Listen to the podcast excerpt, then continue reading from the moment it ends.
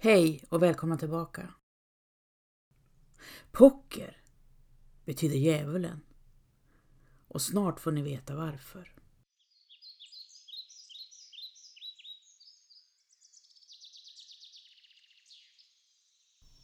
Mor är nog den enda som tycker om mig. Hon tar mig i famnen och vaggar mig och jag sniffar in hennes dofter av smuts, jord, solsken och svett. Britta, du bär ditt rike inom dig, brukar hon säga. Britta, ta mig till ditt rike. Mor står vid elden och rör om i grytan och jag ställer den på tå intill för att se bättre. Hettan sköljer över mig som en våg och soppan bubblar ilsket. Mor kokar trollmat, tänker jag och stoppar ner handen i grytan. Men mor skriker till och griper tag i mig. Flicka, vad tar du åt dig? Hon puttar undan mig så jag landar på golvet. Britta, så du ställer till det, skäller mor. Det där hade kunnat gå riktigt illa. Du hade kunnat bränt dig sönder och samman. Det svider i baken och det svider i handen som jag tog emot mig med och mor skyller allt på mig. Jag samlar mig för att säga något men mor viftar avvärjande. Britta, försök inte. Jag är snabbt uppe på benen igen och rusar ut genom dörren. Gud, rikta en pil mot jorden. Snälla goda Gud, titta på mig. Här är jag! Jag springer runt boningshuset och viftar med armarna. Bergen vaktar mig. Det är som långhåriga stickiga jättar och jag har sett dem i hela mitt liv. Britta mullrar bergen dovt, knappt hörbart. Vi håller våra händer kupade runt dig när du springer i dalsänkan, så frukta icke, ty i värsta fall lyfter vi undan dig. Jag springer på lätta steg. Där är storstenen med det lustiga morrhåret. Då är det inte långt kvar till morbror Sigrids hus, vet jag. Jag klättrar upp på stenen och sätter mig i gränsle. Hoppla min häst! Mossan är fuktig och snart är min bak blöt och kall. Men vad gör det? Jag är en fågel som flaxar över skogen. En tunn stig slingrar sig genom mossan fram till storstenen. Den är knappt synlig. Men är det inte avtryck av små skor alldeles in till stenväggen? Någon ser ut att ha passerat in genom glipan och ner i mörkret. Tvi, tvi, tvi! Har mor lärt mig och jag spottar tre snabba direkt i mossan innan jag hoppar ner på marken igen. Jorden doftar fortfarande av unken vår, men snart ska vi packa ihop och flytta upp till fäboden. Jag vänder mig om. Jo då, jag hittar nog tillbaka hem igen. Är skogen en plats för fruktan? Det är svårt att tro just nu, men i kvällningen förändras träden och dofterna, då är det hög tid att återvända hem igen. Troll tycker om människobarn och tar gärna med sig flickor ner i sina inre rum i berget. Fast det kan knappast gälla mig. Vad ska trollen med en ordlös flicka till? Och varför tänker jag så? Än så länge lyser solen in mellan träden och skogen är vänlig och ljus. Två stora kråkor dyker upp ovanför mitt huvud. Stumma och mörka glider mellan träden sida vid sida med tomma blickar och slutna näbbar. Kråkorna, för visst är det väl kråkor, skulle kunna vara ett illavarslande tecken. Men snart är det ute ur synhåll igen och jag lägger mig ner i mossan, sträcker ut armar och ben och gör mig så lång jag kan.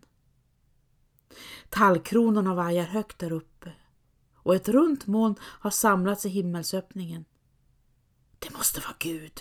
Han ser och hör allt. Vad vill du med Gud? är jag nära att ropa, men lyckas låta bli. Ljuden från en stupe har förmåga att skrämma både kreatur och fåglar så jag använder tankens kraft istället och rörelsen och vinkar med armar och ben. Gud, här är jag! Sedan gör jag det förbjudna. Jag drar ihop ansiktet till ett flin och grinar upp mot honom. Mor skulle smälla till mig vid munnen om hon såg. Men mor, viskade jag. Ni är inte här, ni är hemma i stugan och ser bara väggarna och syskonen. Ja, far också till nöds och farmor, medan jag är här i den mjuka mossan. Sedan sansar jag mig. Gud behöver bara ett ögonblick för att väcka eller släcka liv. Jag kniper ihop ögonen och håller upp händerna som skydd. Så Gud, låt det gå undan. Men ingenting händer och efter en stund vågar jag kika fram lite mellan fingrarna igen. Molnet är borta ser jag och himmelen lyser blå.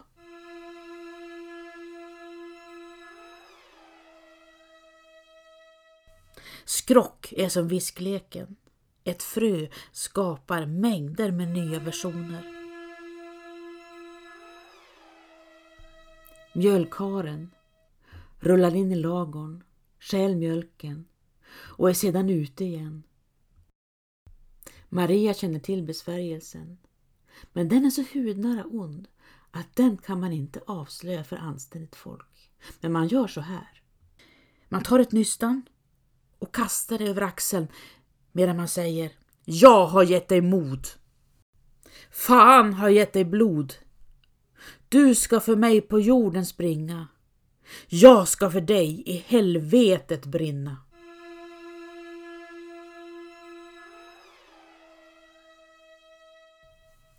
Mjölkaren, lyktgubben, Näcken och skogsfrun är några väsen som finns mitt ibland oss. Värst är nog det osynliga ändå. Det rör sig överallt, men bara de med speciella förmågor lyckas upptäcka dem. Tant Greta fick syn på två små gummor längre fram på vägen.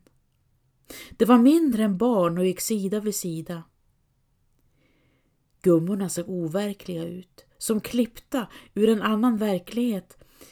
Men Greta hann inte ens bli rädd innan de var borta igen. Då var det värre för farbror Bernhard. Han började få sällskap ute i vedboden av tre svartklädda främmande gubbar. Gubbarna dök upp som från ingenstans och steg in i vedboden efter honom. När han sedan gick därifrån följde de efter bort till huset.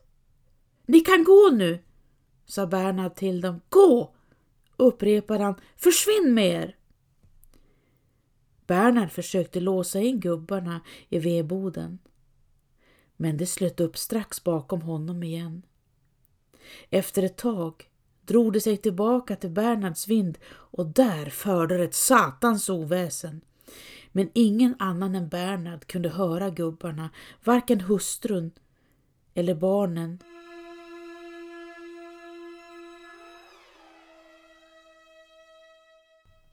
När en korp slår sig ner på hustaket kommer någon att ha otur under det kommande året.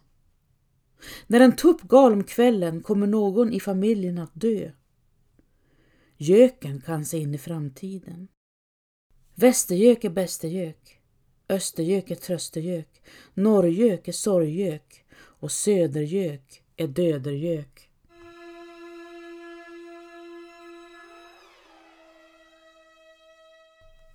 På Snogeholms slott i skånska Sjöbo spökar Vita Karin. Kökspigan Karin Jönsdotter arbetade på slottet någon gång på 1700-talet och fick ofta skäll för att hon hade ovanan att stoppa ner fingrarna i plommonpajen som serverades. Karin var vacker och hade många friare. Ett par av gästerna, en samling nobla herrar, beslutade sig för att driva gäck med henne. De skrev ett brev till Karin och meddelade att hennes friare väntade i grottan nära slottet. Karin blev så lycklig.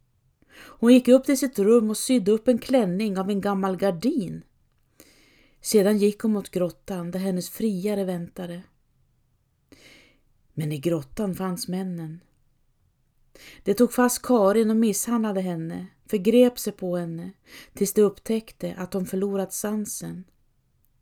Då blev det utom sig av skräck och bar tillbaka henne till slottet. Nästa morgon hittades Karin kall, vit och död. Karin visar sig fortfarande, särskilt för män som borde ha dåligt samvete.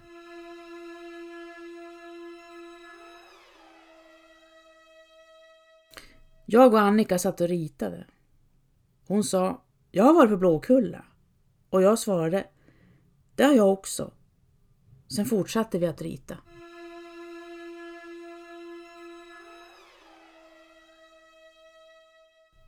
I tonåren gjorde vi anden i glaset. Vi konstruerade ett eget vigiboard och förde glaset med gemensamma krafter. Det var djävulen som svarade, sades det. Han kunde ge konkreta svar eller säga goddag yxskaft. Min kompis Lena fick svaret bajsar på frågan vad hennes pojkvän Klas gjorde just då. Jag fick bara gå goddag yxskaft och till slut frågade Lena glaset Varför svarar du inte? Och då kom svaret konkret i tre bokstäver. Gud. Jag blev rädd. Aldrig mer seanser för min del.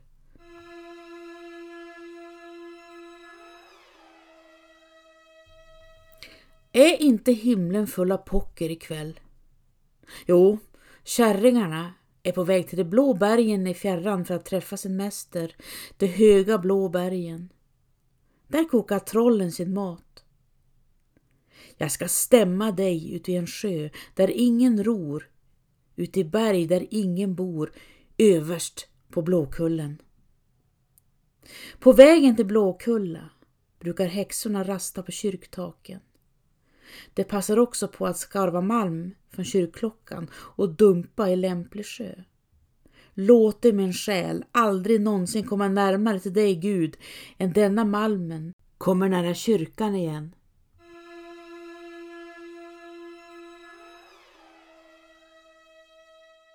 Häxhammaren är det viktigaste vapnet i jakten på häxor. Boken skrevs på 1400-talet av två inkvisitorer, Heinrich Kramer och Jakob Sprengel.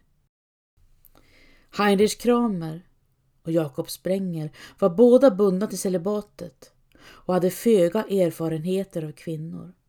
Åtminstone inte den sorters kvinnor som tålde dagsljus.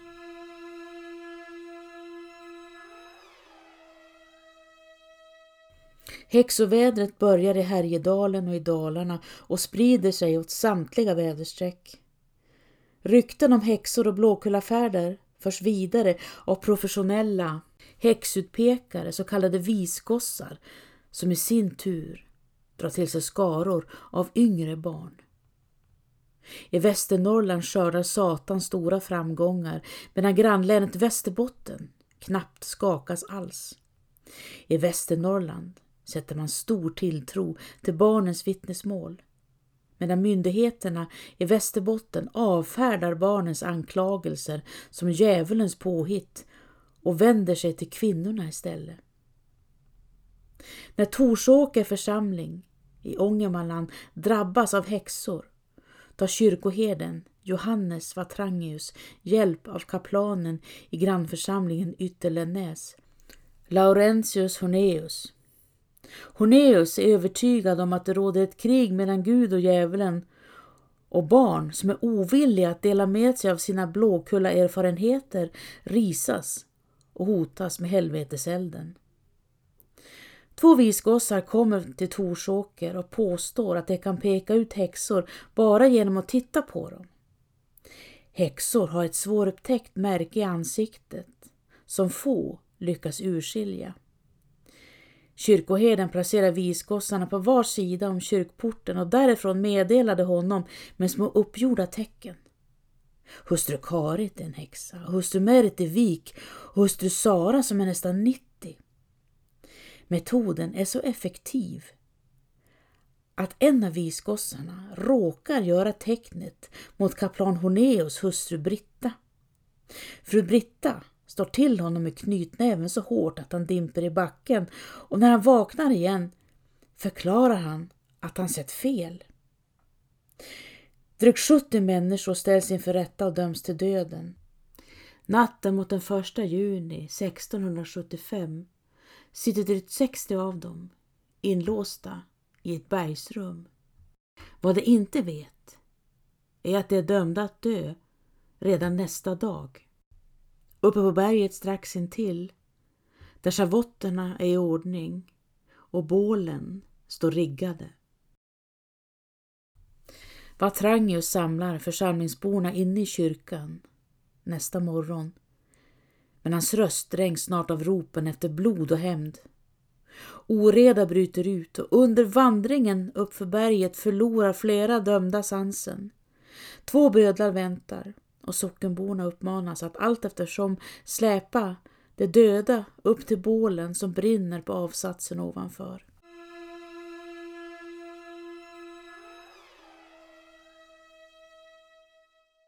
Dagen efter avrättningarna i Torsåker står 29 människor inför rätta i den lilla kapellförsamlingen Vibygrå, tre mil bort, anklagade för samröre med djävulen och för att ha fört barn till häxabaten på Blåkulla. En av de anklagade är gamla hustru Britta i Kexed. Hon harklar sig och ber så mycket om ursäkt. Jag vet ingenting om Blåkulla, säger hon. Pigan Karin, som säkert har passerat 40, berättar att hon ofta besökte Blåkulla som barn men att hon själv skulle resa dit och dessutom ta barn med sig. En vansinnig tanke. Den pigan har alltid varit lite halvtossig, viskar en kvinna på andra bänkraden. Sexårige Lars vittnar om en svartklädd kar som läste högt ur en stor bok, åtminstone sist han var på Blåkulla. Och tioåriga Stina svor att hon med egna ögon sett gamla Britta från Kexed bära omkring på stora fat överfulla med nykokta spädbarn. Men hur ser det ut på Blåkulla? frågar kaplan Irenius. Blåkulla är en stor mangårdsbyggnad, ungefär som Lars Perssons gård i Nordgyssjö, svarar åttaårige Jonas. Nej, ropar sjuårige Sven från forsen. Blåkulla är en stor åker där häxorna landar och startar, vet ni väl. Från Blåkulla kan man se ända bort till kyrkan, ropar nioårige Kristoffer. Ja, man kan också se vad prosten gör när han inte är i kyrkan, fortsätter han, men tar sig sedan för munnen. Enstaka fniss sliter sig loss ur åhörarbänkarna, men Nerenius kväver dem med en bister blick. Hur reste ni till Blåkulla? frågar han istället. På den vackraste kon i hagen, svarar Lars. Jag åkte på en stock, ropar flickan som sitter jämte sin mor på första bänken. Och jag på en kvast, hojtar en liten pojke i hörnet. Och jag på vår bruna fåle.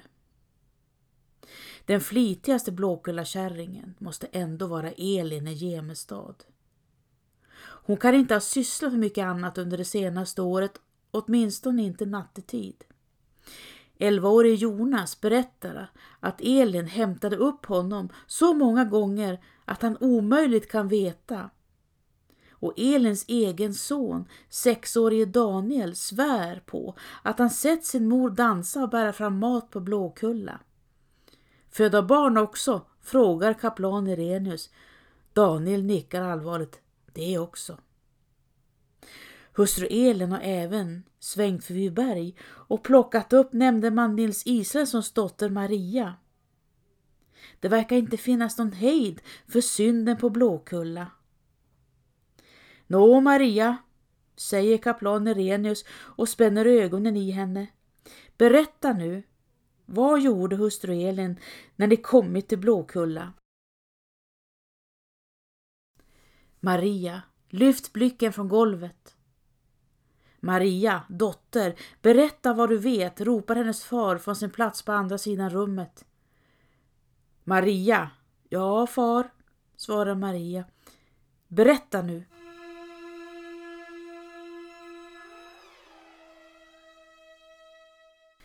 Jag stirrar ner i golvet och uppfattar inte så mycket. Rösterna bildar ett sål som inte har med mig att göra och jag springer över golvet bort till far som finns i bänken mitt emot. Får jag gå hem nu, frågar jag.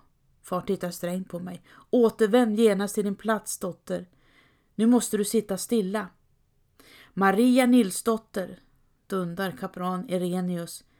Jag lyfter blicken och sneglar åt hans håll och får för mig att Renus ögon är mörka brunnar och när som helst ska brunnsgubben visa sig.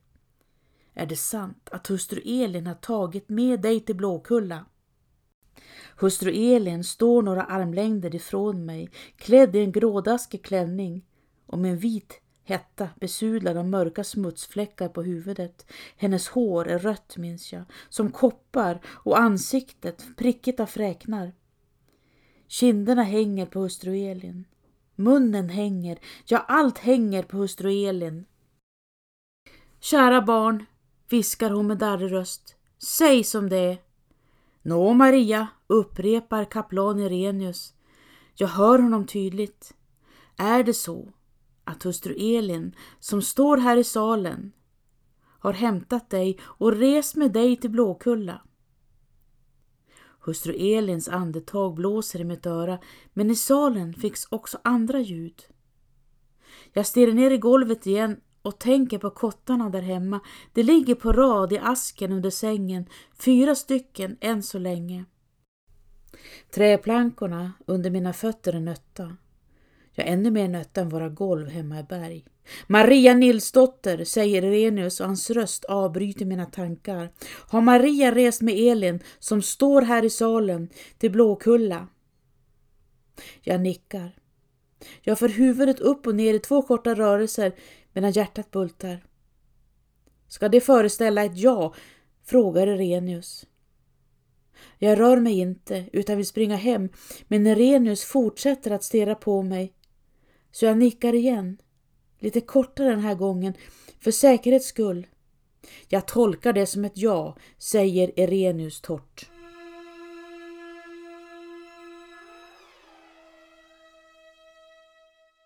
Det var allt för idag. Tack för att ni lyssnat.